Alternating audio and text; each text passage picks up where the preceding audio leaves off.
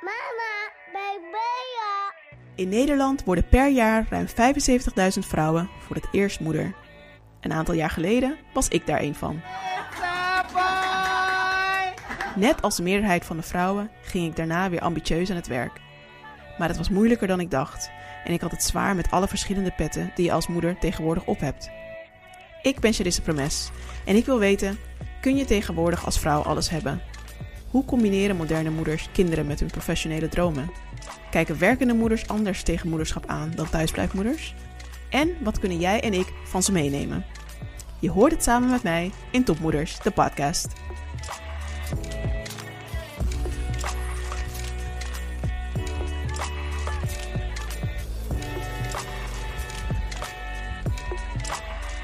Ja, welkom bij de eerste aflevering van Topmoeders, de podcast. Ik ben Charisse Premes en ehm, ik heb heel lang nagedacht over hoe ik deze eerste podcast moet beginnen. Deze eerste aflevering. En ik kom niet anders dan eigenlijk gewoon ermee te beginnen dat ik een beetje boos ben. Ik ben boos op de wereld, op mezelf, mijn eigen naïviteit of zo. Eh, social media, ja, wie niet? Ik kreeg namelijk het idee dat ik alles kon hebben. Een succesvolle carrière, de perfecte partner zijn en dan ook nog doen aan hashtag selfcare. Maar in het echte leven, in de realiteit, gaat het toch iets anders. En als mijn stem, als mijn stem af en toe een beetje overslaat, ik uh, ben het aan inspreken terwijl ik uh, uh, in thuisquarantaine zit met corona. 39 weken zwanger. Uh, ons jongste zoontje is besmet door een leidster waarschijnlijk op de opvang. En um, ja, we lopen hier met mondkapjes rond. Mijn partner en mijn oudste zoontje zijn nu gaan testen op dit moment. Dus ik heb heel even het rijk voor mij alleen. Heel even de tijd om dit in te spreken. Um, maar ja, that's life. En zo zijn er andere dingen die het leven wat moeilijker maken. Zeker als moeder. We hebben een hoge maatschappelijke druk om van alles te presteren op allerlei vlakken. Van alles te zijn: moeder, dochter, zus, partner, coach, adviseur, masseur, dokter. Je bent van alles onder die pet als moeder. En naast die maatschappelijke druk hebben we gebroken nachten. Kennismaking met een nieuw leven. Dat van jou en dat van je eigen pasgeboren kind, als die er is. Het maakt het allemaal een stuk gecompliceerder. En vooral na de geboorte van mijn eerste zoontje voelde ik een hoge sociale druk. Ook op werkgebied. Alsof ik moest compenseren voor het feit dat ik niet meer fulltime werkte. Ik besloot drie dagen te gaan werken in plaats van vijf. Omdat ik twee thuis wilde zijn met mijn zoontje.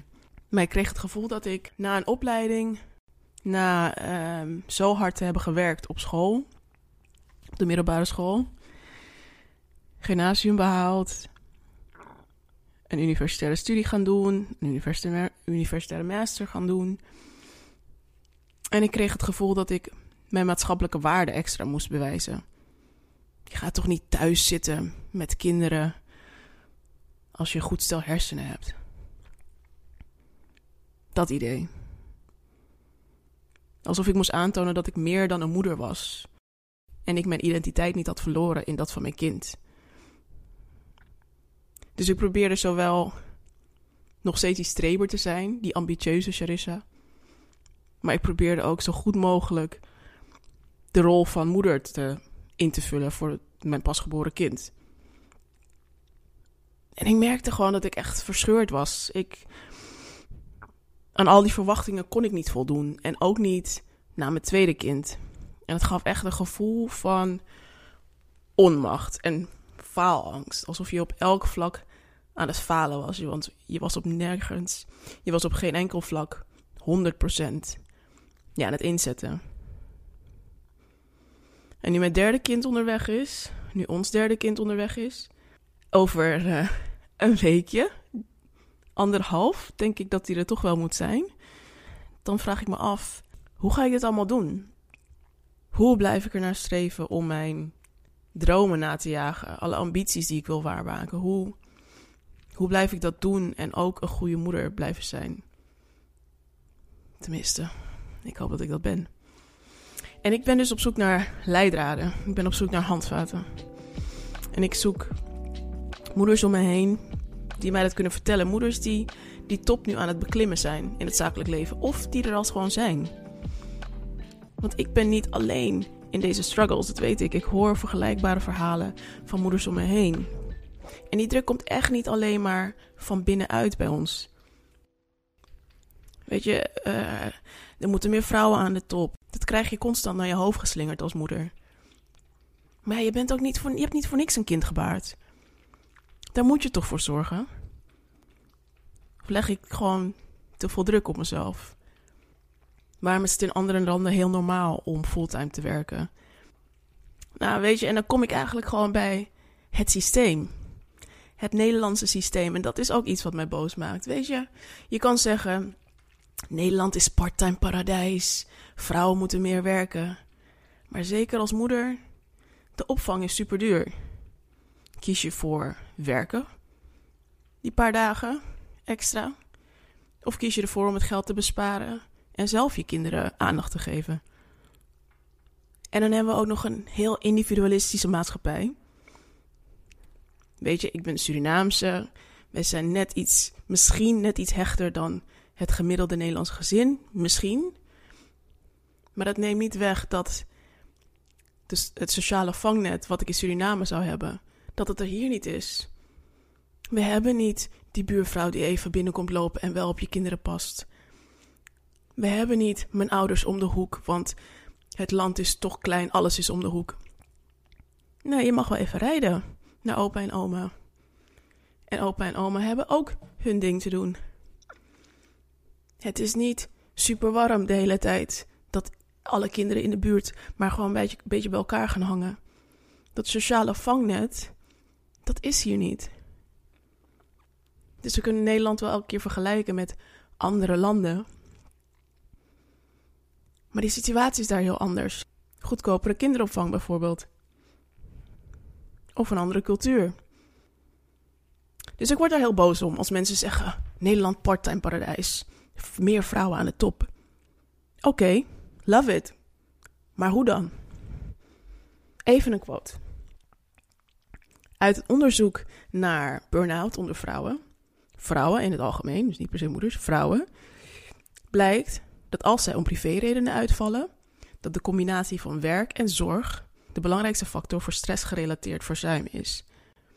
Dus dat zegt al wat. Dat werk en zorg in Nederland combineren een ding is. En dat is niet alleen nadelig voor die moeder zelf. Het geeft ook kans op ouderlijk geweld, verwaarlozing.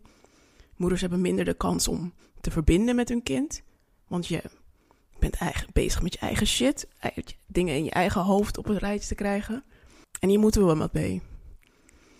We moeten elkaar gaan helpen. Topmoeders moeten elkaar gaan helpen. Dus ik ga op zoek naar moeders die de top hebben bereikt. Die aan het struggelen zijn om het te bereiken. Zodat we elkaar, zodat we van elkaar kunnen leren. Hoe doen we dit in Nederland? Kun je alles hebben? En tegelijkertijd ben ik benieuwd, wat wordt mijn volgende stap? Blijf ik nastreven om topmoeder te worden, de top te behalen van mijn zakelijke ambities, professionele ambities? Blijf ik die in-between moeder, die drie dagen werken en twee dagen thuis? Of speelt ook in mijn hoofd, word ik misschien toch thuisblijfmoeder? En zou ik er veel gelukkiger van worden als ik me kan focussen op één ding. Wat moeten we wel alles willen hebben als moeder met jonge kinderen? Bedankt voor het luisteren van deze eerste aflevering van Topmoeders, de podcast. Vond je dit een leuke aflevering? Abonneer je dan op de podcast, laat een review achter of deel deze aflevering met iemand die dit moet beluisteren. Wil je nou in contact blijven? Sluit je dan aan bij de Facebookgroep Topmoeders via de link in de show notes of stuur me een DM via Instagram, at Tot de volgende!